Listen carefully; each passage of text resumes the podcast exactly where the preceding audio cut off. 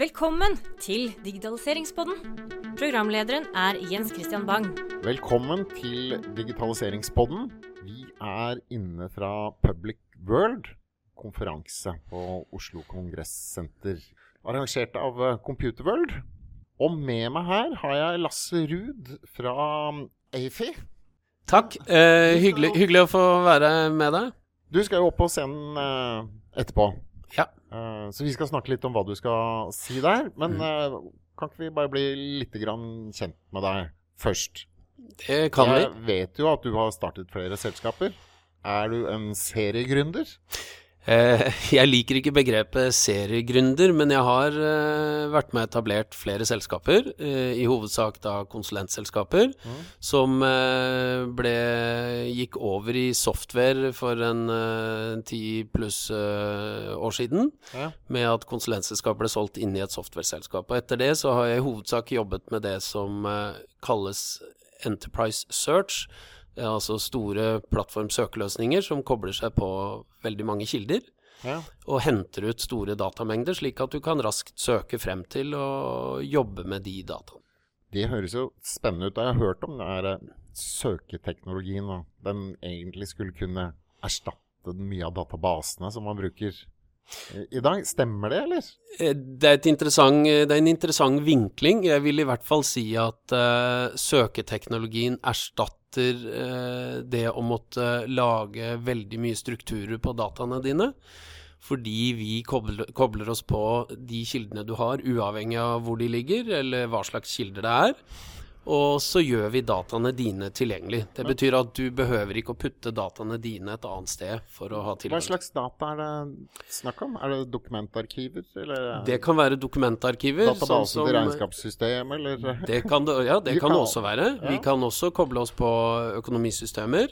Eh, det er også veldig interessant i saksbehandling, som f.eks. her vi er i dag, i, i Public World, så sitter det mange der ute som bruker arkiv- eh, og saksbehandlersystemer. Ja. Det er et område som eh, det er effektivt. ja, for å finne igjen dokumenter? Ja, finne igjen, søke opp saker, og også kombinere det med oppslag i e-mail, f.eks. Ja. Sitter de i en saksbehandlersak, så har de kanskje bare tilgang til dokumentene, mm. mens med å ha en søketeknologi på toppen, så kan de søke på tvers av alle typer kilder, og sånn sett finne fellesnevnere for en sak. Ja. Men jeg, for jeg, jeg bare tenker når de søkene som jeg gjør mest, da, mm. det er jo i egen mailboks. Mm. Det er ganske mye. Hvordan syns du det går? Det går greit. Okay. Eh, og så søker jeg etter dokumenter som jeg har på PC-en. Mhm. Eh, det er liksom de to typene søk. Mhm. Kan du spørre det, hvordan jeg syns det går? For Det, kan jeg også Det syns jeg ikke går så bra. Mhm. For jeg finner, eh, jeg finner jo ikke alltid de dokumentene jeg er ute etter. Og nå her definerer du kanskje det viktigste, eh, kall det problemet, eller eh, hvor det er en løsning på problemet. Ja. Og det er at eh, vi sitter og leter veldig mange steder. De fleste av oss forbinder jo søk med Google. Ja. Eh, det betyr at jeg kan gå ut og søke etter hva som helst som ligger ute. Mm. Men der ute så finner jo ikke jeg noe intern informasjon. Internt i dine egne systemer i en større virksomhet, Ja. så må du kanskje søke i hvert respektive system etter det du leter etter. Dette gjør det vrient å eh, samle og få en felles blikk av det du leter etter. Så som du forteller, du søker i mailen, du søker på fil, du søker litt her og litt der. Ja. Det vi kan kalle en eh, søkeløsning er rett og slett en intern Google. ja. Jeg eh, søker da i all min interne informasjon på en trygg og sikker måte, det er viktig å nevne. Ja, for det var jo også noe du tenkte på. Hvis du kan søke gjennom en eller annen portalløsning i Mm. min mail Mhm. For min mail er jo veldig personlig, eller føles som personlig, ja.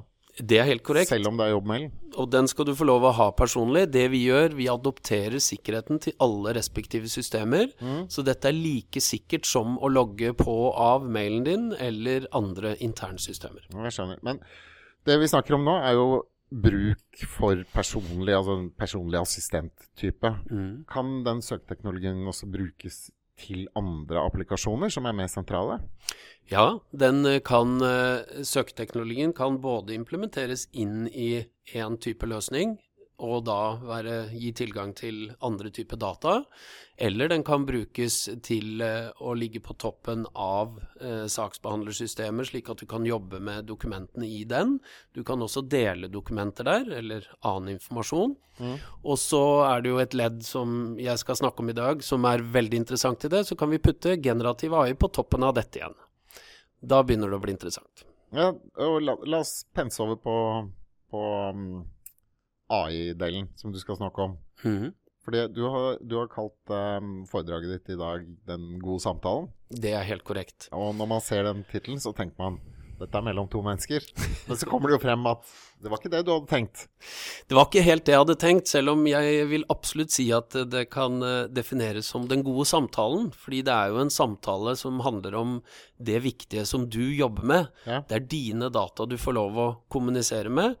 Eh, og kort fortalt så er jo teknologien generativ AI gjør det jo mulig å rett og slett snakke med dokumentene dine, eller snakke med informasjonen din.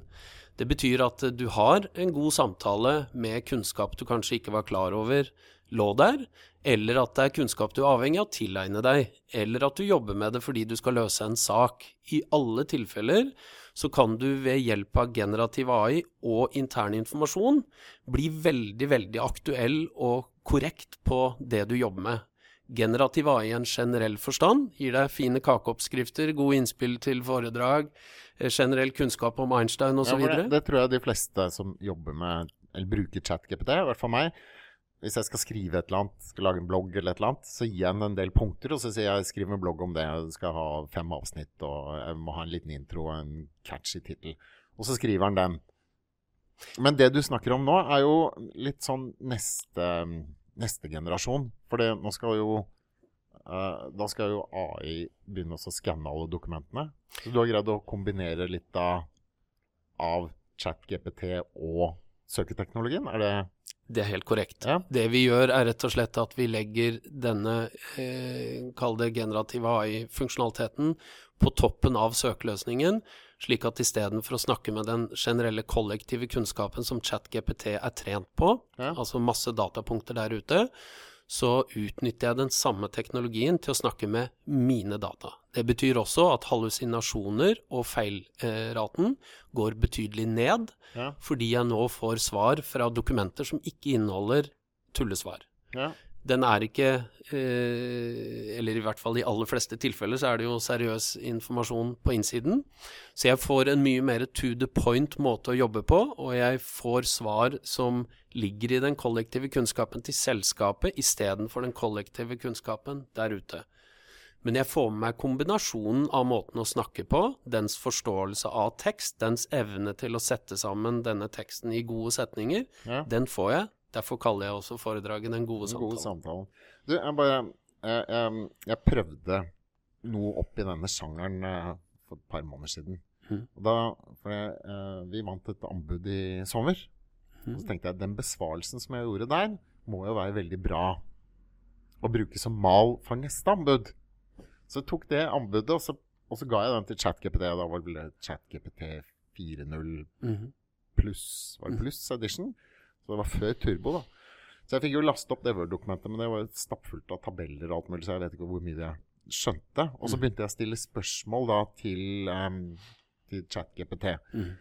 Men da sleit jeg med å få den til å hente ut riktig informasjon da, fra, fra det dokumentet som jeg hadde fra før. Mm. Det, altså, men her skjer jo ting i, i ganske høyt tempo. Mm. Har kommet, hva, gjorde jeg noe feil, eller har vi kommet videre i teknologien Nei. som gjør at det er enda bedre nå? Du gjorde nok ingen feil, men du har helt rett. Det er ikke sikkert at den hadde fått med seg alle bitene av dette dokumentet. Dette Ja. er jo det som er veldig bra med å kombinere da Kall det søketeknologi eller plattformteknologi på informasjon sammen med generativ AI. Ja. Fordi det vi gjør i tillegg, er jo at vi lager en full forståelse av de dokumentene som du har kall det indeksert da, i denne søkeløsningen, Ja.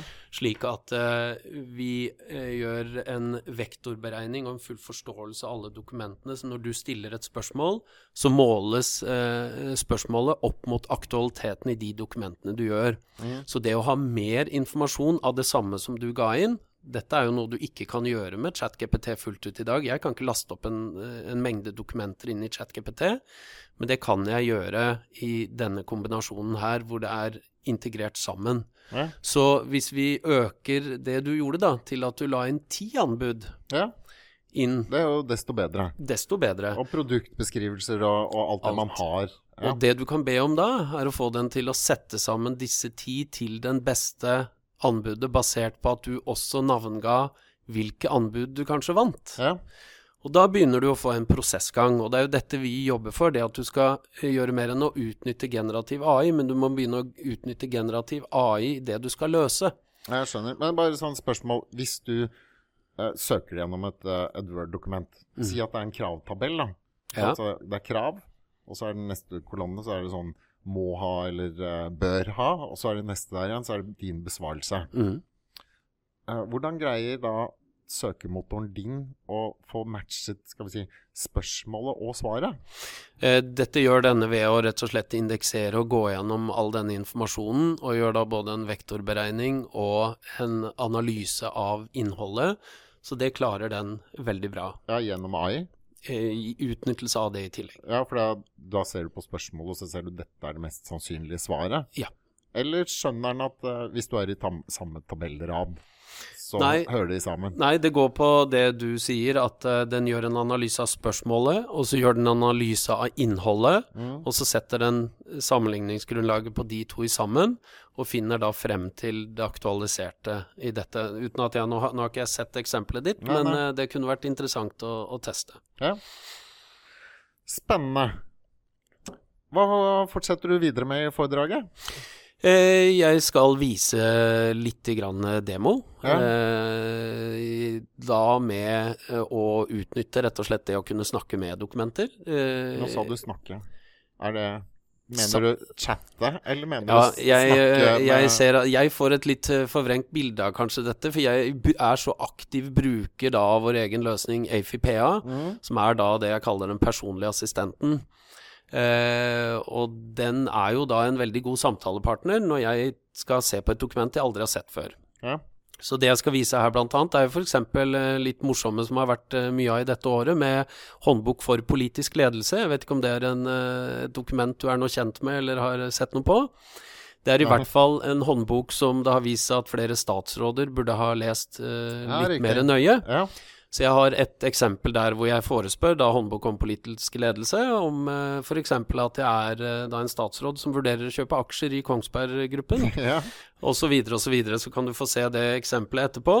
Men da får jeg jo gode svar, og hvor jeg videre kan da be om den å skrive et brev til statsministeren og be om eh, råd eller lov til å gjøre det samme. Men var det med stemme? Nei, det er ikke med stemme. Nei, med stemme. Jeg skal starte, i hvert fall gjøre et forsøk på å starte foredraget med en direkte stemme om eh, planutvikling i Oslo frem mot 2040, så får vi se hvordan det går. Det er alltid spennende med live demoer. Ja, det er det. Det kan jo Det kan eh, stadig vekk gå gærent. Det kan stadig vekk gå gærent. Men, men eh, du har sikkert testet litt med, med voice, da? Ja, Ja. jeg bruker det ganske aktivt. ja, for jeg vet det er mange som gjør det. Når de sitter i bilen f.eks., så snakker de med telefonen sin. eh, jeg har ikke testa det selv. Åssen fun funker det? Funker det på norsk? Det er veldig bra du spør om, for dette bør eh, veldig mange få vite om, og veldig mange utnytte. Jeg eh, er der hvor jeg sykler til jobb hver dag hele året. Ja. Så jeg har rett og slett dager hvor jeg putter Ja, det vet jeg ikke. Det gjelder å kle seg godt. Men i hvert fall så setter jeg noen ganger på, hvis det er temaer jeg lurer på. Det kan være person, sånn private interesseområder. Det Ja. som eh, kjernefysikk, eller hva man måtte finne på og ha lyst til å lure på den dagen.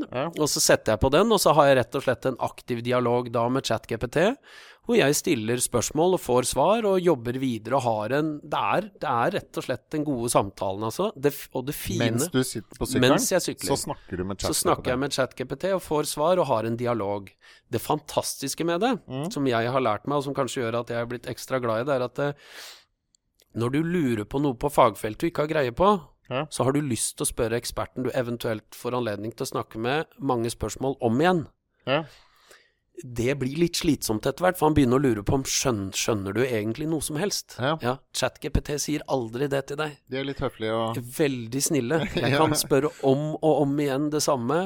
Hvis jeg ikke forsto det, så kan jeg spørre med en annen vinkling. Ja. Jeg kan til og med på morgenen mate den og si at i dag vil jeg du skal for meg bare være en fagekspert på dette området. Hver gang jeg er på vei til å styre ut av temaet, så skal du hanke meg tilbake. ja, riktig. Og på den måten så kan jeg ha en samtale på et fagområde, om det er historikk eller hva, eller Napoleon for den saks skyld, Mm. i en halv time hvor jeg sitter og har dialog frem og tilbake. Gøy. Nå skjønner du hvor den gode samtalen Ja, nå skjønner jeg hvor den gode samtalen er. Jeg er imponert over at du får til på sykkelen. Ja, Men, det er men bare en liten sånn tag-on til den der um, stille dumme spørsmål. Jeg har alltid hørt, eller i hvert fall blitt fortalt i ganske ung alder, at det er bedre å stille et ekstra spørsmål og bli oppfattet som en idiot i fem minutter, enn å gå rundt som en idiot resten av livet.